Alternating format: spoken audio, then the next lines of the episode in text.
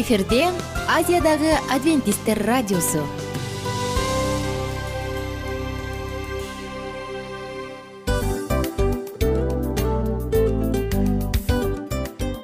Достор салют.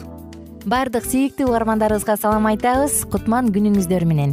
Ден соолук өмүрдүн булагы демекчи саламат саамы программасында баарыңыздарды көргөнүбүзгө абдан кубанычтабыз. Анда алгач амандашып өтөлү арбаңыздар деп. Ден соолугуңуздар кандай элибизде көбүнчө ден соолук кандай дегенде эле жакшы деп жооп беребиз э? ооруп турсак дагы жакшы дейбиз. Анан мен муну айтып ойлойт элем бул абдан сонун сөз депчи анткени бул жакшы деген үмүт да ооба баары жакшы болот. Баары сонун.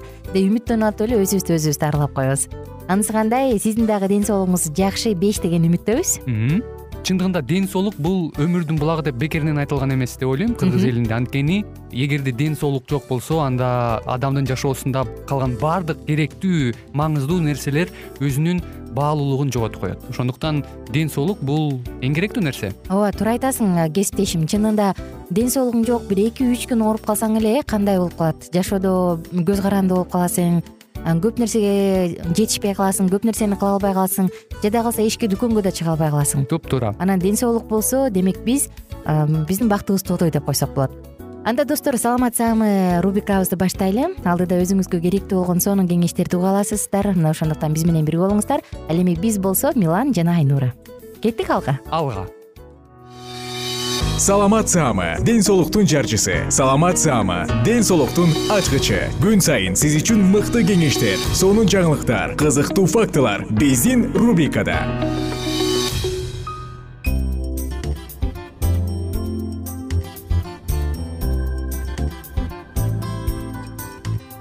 Салют достор баардык угармандарыбызга ысык салам айтабыз. Саламат саама рубрикасы башталды. Бүгүнкү тема мурунга кам көрүүчү табигый азыктар каражаттар бүгүн сиздер менен биздин денебиздин эң эле кереметтүү бөлүгү мурун жөнүндө андан ары улантабыз.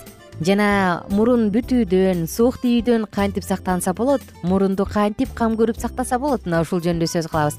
Эгерде аптекадан дарыканадан сатып алчу препараттар жөнүндө медициналык препараттар жөнүндө сөз болот экен десеңиз анда жаңылышасыз. Бүгүн сиздер менен эң эле арзан пайдалуу жана чындыгында жардам берүүчү табигый каражаттар жөнүндө сөз кылабыз ошондуктан достор биз менен бирге болуңуздар. Сөзсүз түрдө дарыканада сатылуучу каражаттар жаман деп айткандан алысмын. Ооба алар жардам берет бирок убактылуу жардам берет. Алар ошол нерсенин симптомун алат дагы бирок оорунун өзүн дарылабай коюшу мүмкүн. Ал эми биз айта турган табигый каражаттар ооруну түп тамырынан бери жок кылат. Кызыктуубу? Анда бизди угуңуз алдыны көздөй жөнөдүк. Убада кылгандай эле достор эң эле биринчи айта турган нерсебиз бул мурунду жуу промывание деп коет эмеспи орус тилинде? Дал ушул мурунду жуу. Кантип жана кандай кылып эмне менен баардыгын алдыда кененирээк сөз кылабыз. Мурунду жуу бул мурундун ичиндеги былжырларды тазалайт жана ар кандай чаң бактериялардан тазалоочу сонун ыкмалардын бири. Анан баарына белгилүү болгон эффективдүү кеңири таралган ыкмалардын дагы бири десем жаңылышпайм.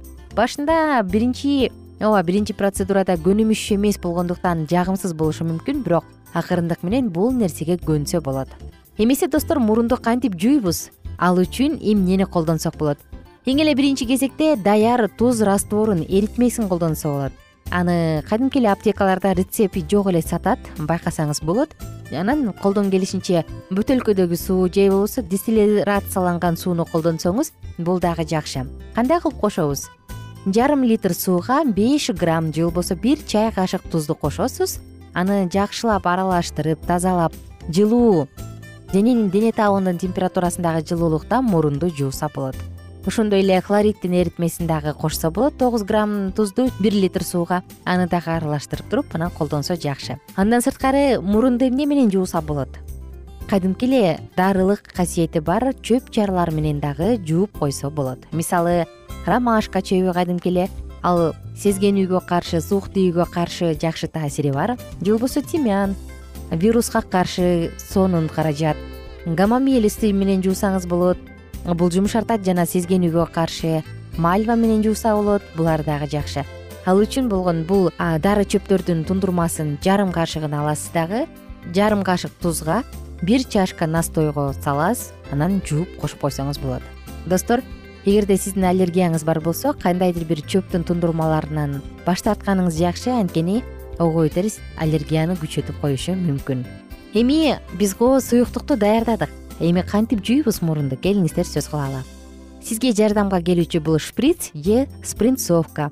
Шприц же спринцовканын жардамы менен мурундун бир тешигине сууну куюңуз ал сиздин тамагыңызга чейин жеткендей болсун андан ары аны түкүрүп салыңыз же тескерисинче жутуп алсаңыз дагы болот. Ошондой эле достор кагылуучу жуулуу деп аталган ыкманы да колдонсоңуз болот. Башыңызды бир жакты көздөй кыйшыйтыңыз оңбу солбу айырмасы жок. Анан оң жакты көздөй кыйшайтсаңыз оң жактагы мурдуңузга сууну куюңуз ал болсо андан өйдө карай чуркайт дагы кайра кийинки экинчи мурдуңуздан агып кетет бул дагы абдан жакшы ыкмалардын бири. Мурунду жуу ыкмаларын күнүнө эртең менен кечинде эки жума аралыгында жууп койсоңуз эффект сөзсүз түрдө байкалат. Дагы бир жолу эске сала кетейин достор. Жууп жаткан суу тундурмабы же жөн гана суубу же туз кошулган суу хлориддин эритмесиби дене табындагыдай жылуу болгону жакшы.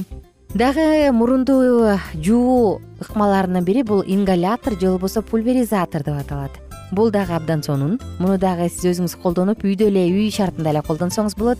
Кичинекей балдардын мурун жууш үчүн кадимки пипетканы колдонуңуз. Пипетка стерилдешилген тазаланган болгону жакшы.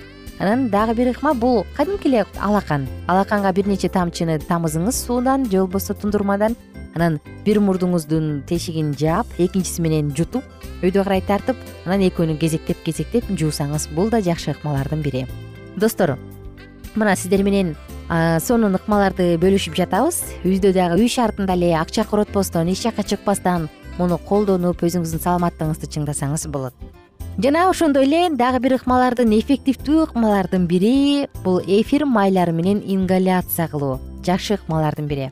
Чөп эфир майларынын антисептикалык антивирустук касиеттери бар болгондуктан адамдын мурдун жөн гана тазалап койбостон дем алууну дагы жеңилдетет дем алууга дагы жакшы жардам берет мындай ингаляцияны жумасына бир нече жолу жасасаңыз жакшы. Кандай майларды колдонсо болот? Тимян лаванда розмарин эвкалипт майларын колдонуңуз. Булар дагы сиздин мурдуңуздун ичиндеги сосуддарды кайрадан ичкертип агып жаткан нерсени актырбай бүтүлүп жатса мурдуңуз бүтөбөй ачыкканга жардам берет. Кенен кенен дем алып каласыз. Эми келиңиздер бир аз болсо дагы дарылык касиети бар. Кадимки эле ар кандай каражаттар жөнүндө сөз кылбайлыбы э азыркы учурда ар кандай капля тамызмалар спрей таблетка сироптор бар. Ооба достор булардын баардыгы тең чындыгында мурун ичиндеги сосуддарды кичирейтет баягы чимкирик агып жатса сосуддар кичирейгенде токтоп калгандай болот. Керек болсо былжырдын дагы шишип бир аз көп суук сезгенип тийип калганы дагы кичирейип азайып өзүңүздү жакшы сезе түшөсүз. Бирок абайлаңыз булар жөн гана симптомду жок кылат бирок мурун айыкпайт оору кетпейт ошондуктан бир аздан кийин кайра пайда болушу мүмкүн. Сиздер менен бүгүн мурунду кантип табигый каражаттар менен тазалап жууса болот ошол жөнүндө сөз кылдык. Баарыңыздар менен коштошууга дагы учур келип калды. Аттиңай убакыт тар экен достор. Убактыбыз соңуна чыкты ошондуктан коштошом. Өзүңүздүн саламаттыгыңызга кам көрүңүз. Бир аз сыркоолоп калсаңыз дароо эле дарыкананы көздөйдү чуркагандан мурун оору эмне экен жана аны кантип чөп жаардын жардамы менен дарыласа болот деп анализдеп көрүңүз бул сиздин саламаттыгыңызды гана эмес акчаңызды гана эмес өзүңүздүн нервиңизди дагы сактаганга жардам берет достор. Убактыңызды үнөмдөйт баарыңыздар менен амандашканча күнүңүздөр көңүлдүү улансын. Саламат саама ден соолуктун жарчысы. Саламат саама ден соолуктун ачкычы. Күн сайын сиз үчүн мыкты кеңештер сонун жаңылыктар кызыктуу фактылар. Биздин рубрикада салют замандаштар баарыңыздарга ысык салам. Дил маек программабызга кош келиңиздер. Дил маек рубрикасы дегенде эле бул эмне болгон дил маек ким менен маектешебиз деп сурайт болуш керек угармандарыбыз.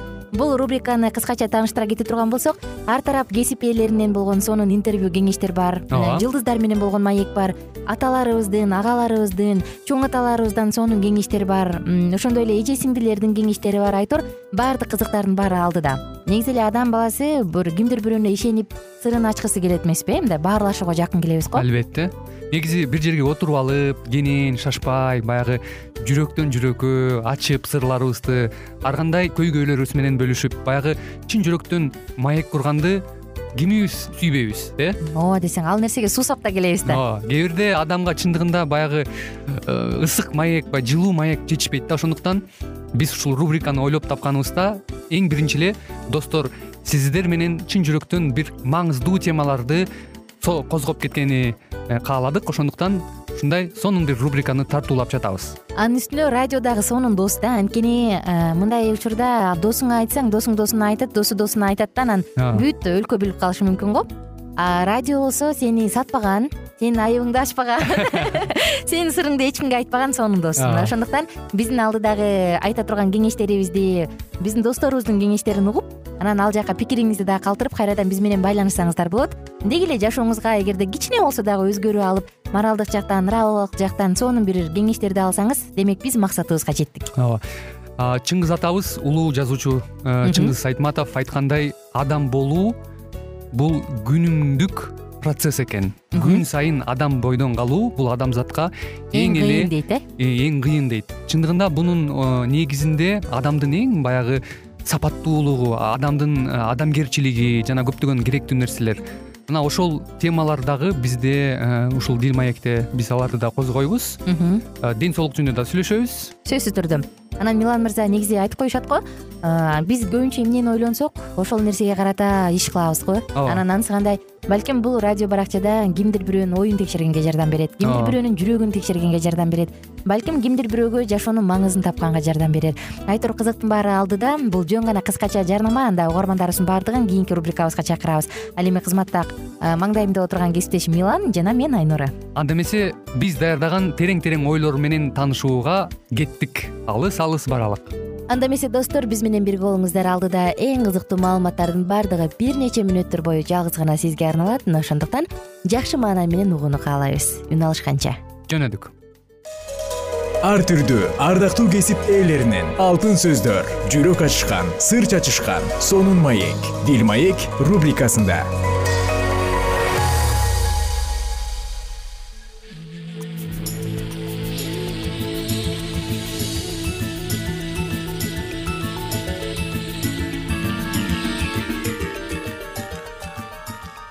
саламатсыңарбы урматтуу радио угармандарыбыз. Кайрадан эле сиздердин назарыңыздарда сүйүү жоолугушуулар жана нике аттуу программабызды баштайбыз. Бүгүнкү программабыздын чыгарылышында кайрадан эле биз сиздер менен сүйүү жаатында темабызды улайбыз. Деги эле сүйүү сезимдер менен жактыруу сезимдердин айырмачылыктары туурасында сөз кылабыз. Андыктан бүгүнкү программабызда биздин ободон алыстабай биз менен биргеликте болгула бирөөнү тез эле жактырып калууга болот. Жигит кызды жактырып калгандыктан ага жылмайып карайт кыз да ага жылмаюу менен жооп берет. Сени бирөө жактырып калганын байкаганыңда жүрөгүңдө сүйүү сезим ойгонот. Анан алар мага эмне болуп жатат? Мурда мындай болчу эмес эле. Мен аны жактырып калдым окшойт. Чын эле мен издеп жүргөн адамымды таптымбы деп ойлонушат.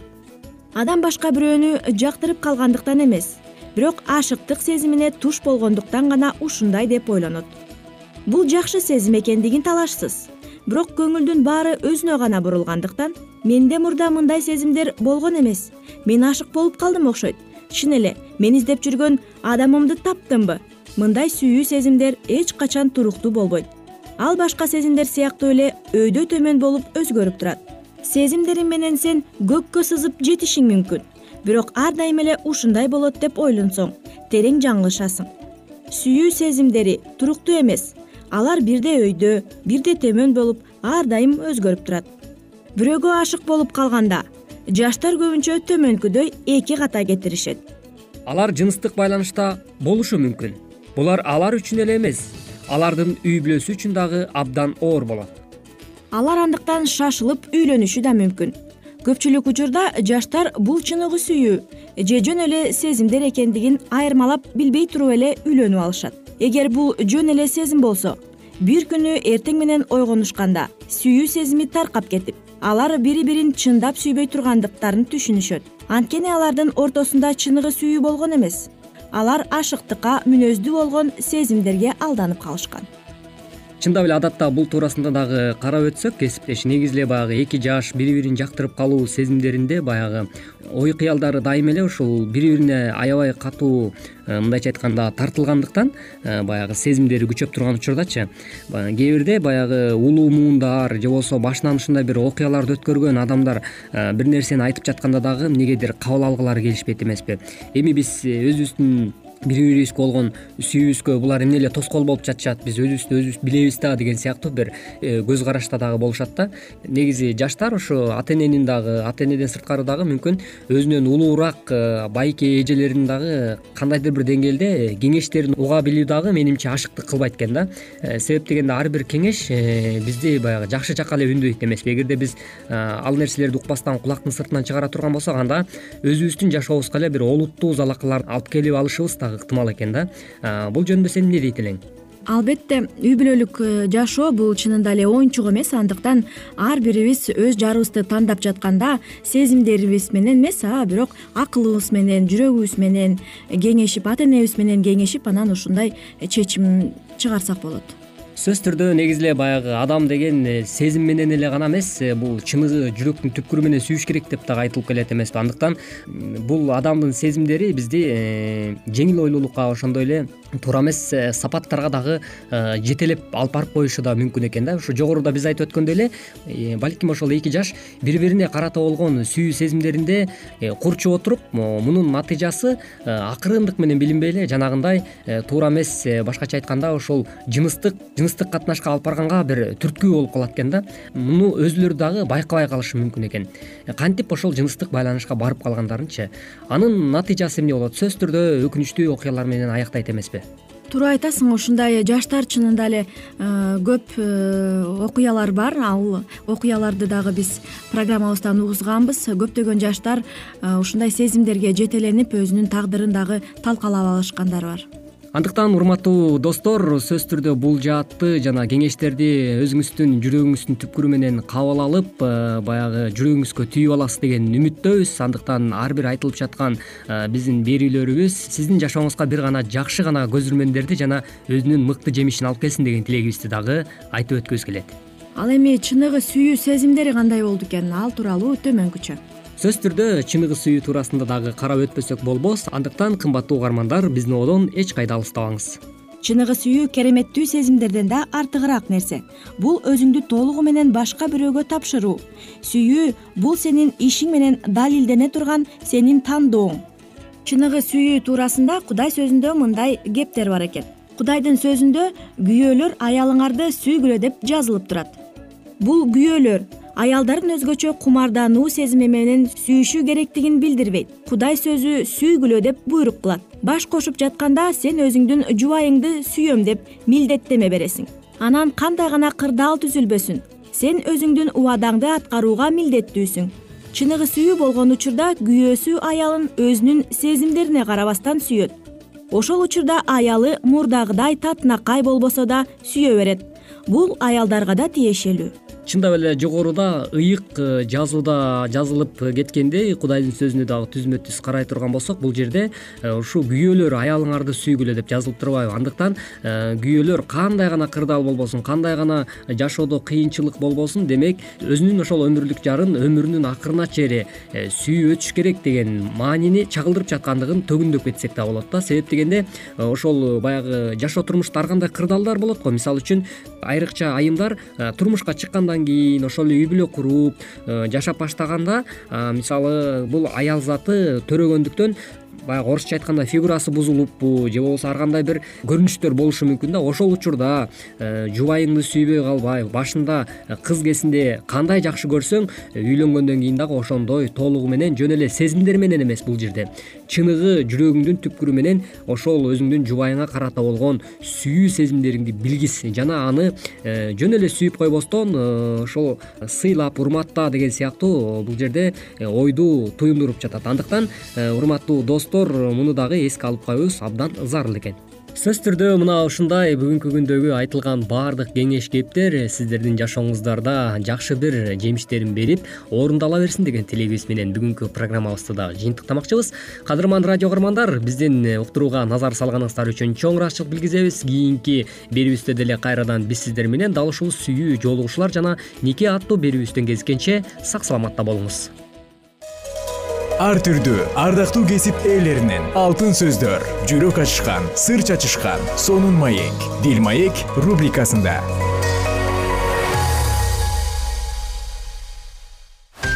Жан дүйнөңдү байыткан жүрөгүңдү азыктанткан жашооңо маңыз тартуулаган жан азык рубрикасы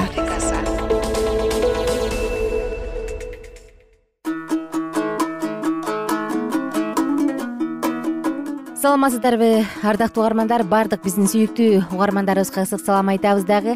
Сиздер менен бирге улуу күрөш китебин бирге улантабыз. Биз менен бирге болуңуздар.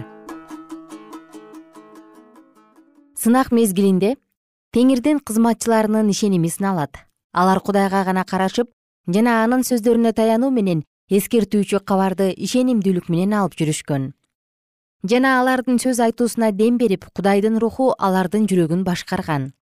Кудайдан шыктангандыктан алар касиеттүү ынтаалануу менен өз милдеттерин аткарышат жана теңир аркылуу тапшырылып берилген сөздөрдү өз акырын ойлонбостон адамдарга жарыялашат. Алар өздөрүнүн жердеги кызыкчылыктары үчүн кам көрүшкөн эмес жана өз кадырын жада калса өмүрүн дагы сакташпады. Каршы толкун жамандоолор алардын үстүнө түшө турган болсо кээ бир коркунучка кабылган адамдар мындай сөздөрдү айтууга даяр болушат. О эгерде биздин айткан сөздөр эмнеге алып келе тургандыгын биле турган болсок албетте биз бир дагы сөз айтпайт элек. Кыйынчылыктардын акыры көрүнгөн жок. Шайтан аларды өзүнүн кыйын сынактары менен курчап алган.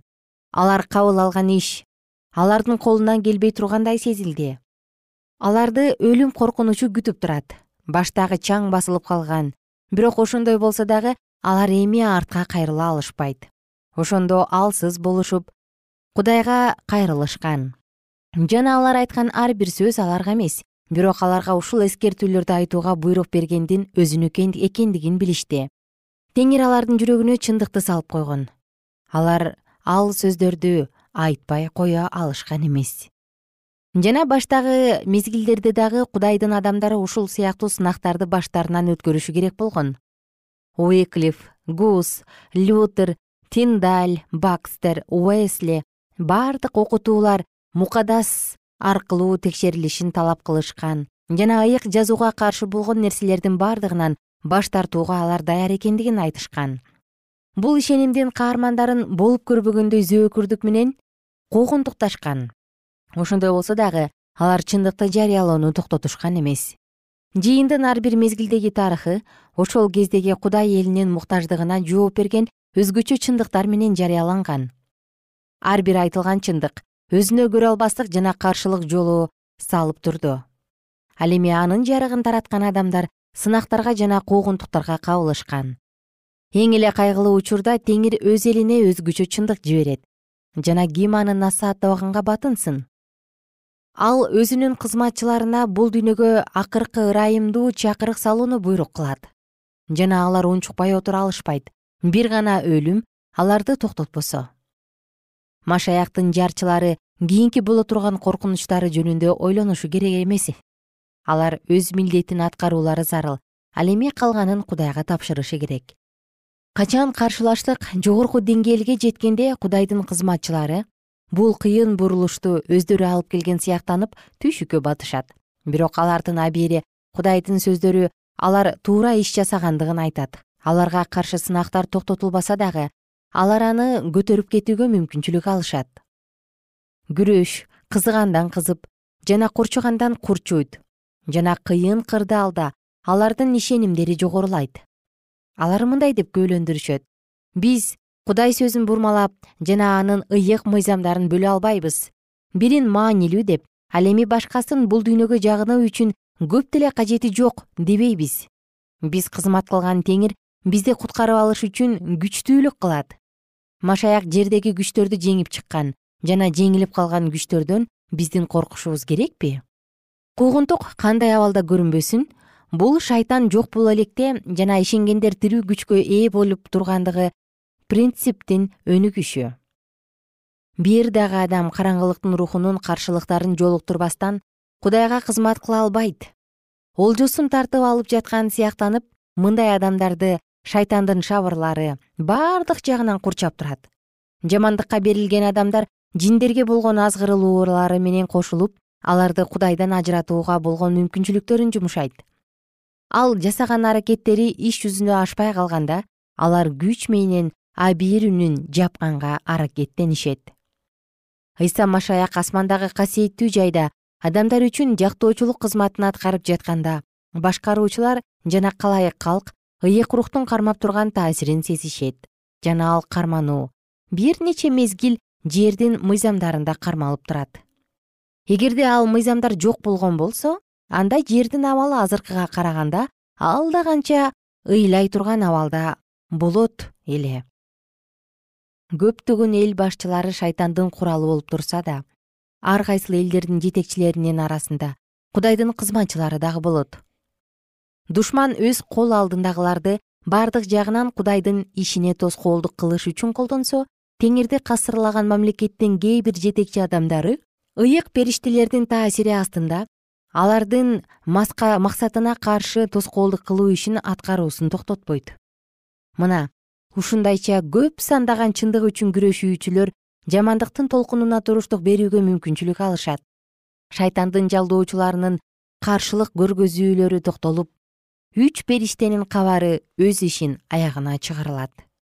Акыркы эскертүүлөр азыр теңир аракеттенип жаткан бийлик башындагы адамдарга таасирин тийгизип жана алардын кээ бирлери кайгы мезгилинде кудайдын эли тарапка өтүшөт үч периштенин кабарына кошула турган периште өз даңкы менен бүт жер жүзүн жарык кылышы керек. Бул пайгамбарлык сөздөр бүт дүйнө кошула турган жумуш туурасында кабарлап жана болуп көрбөгөндө күчү менен айырмаланат. бир миң сегиз жүз кыркынчы бир миң сегиз жүз кырк төртүнчү жылдардагы адвентисттердин кыймылы кудайдын күчү көрүнүп турган даңктуу көрүнүш эле. Биринчи периштенин кабары жарчылар аркылуу бардык жерде таратылган жана кээ бир мамлекеттерде он алтынчы кылымдагы реформациядан бери көрүнбөгөн динге болгон кызыгуулар келип чыккан. Бирок үчүнчү периште аркылуу таратыла турган эскертүүчү кабарды карата турган кыймыл реформациянын учурундагы кабардан алда канча ашып түшөт. Кымбаттуу угарманым сиздер менен бүгүн улуу күрөш китебинен үзүндү окудук кайрадан кийинки уктуруудан амандашканча сак саламатта туруңуздар.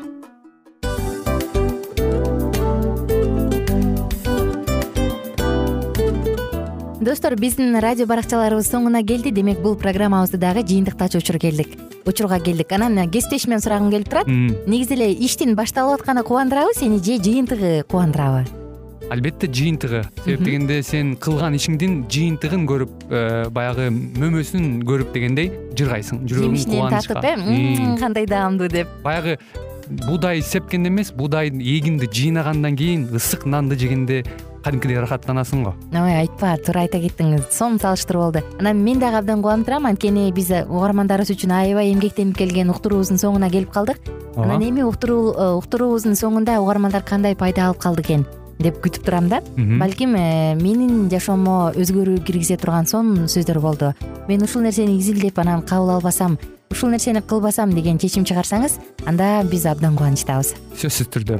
Андыктан кийинки биздин кызыктуу уктурууларыбыздан көрүшкөнчө сак саламатта калыңыздар. Чыдамсыздык менен сиздерди мен милан жана кесиптешим айнура күтөбүз баардык угармандарыбызга ийгиликтүү күн каалайбыз. Качан гана болбосун уртуңуздан жылмаюу кетпесин үйүңүздө көмүр жүрөгүңүздө көңүл болсун дейли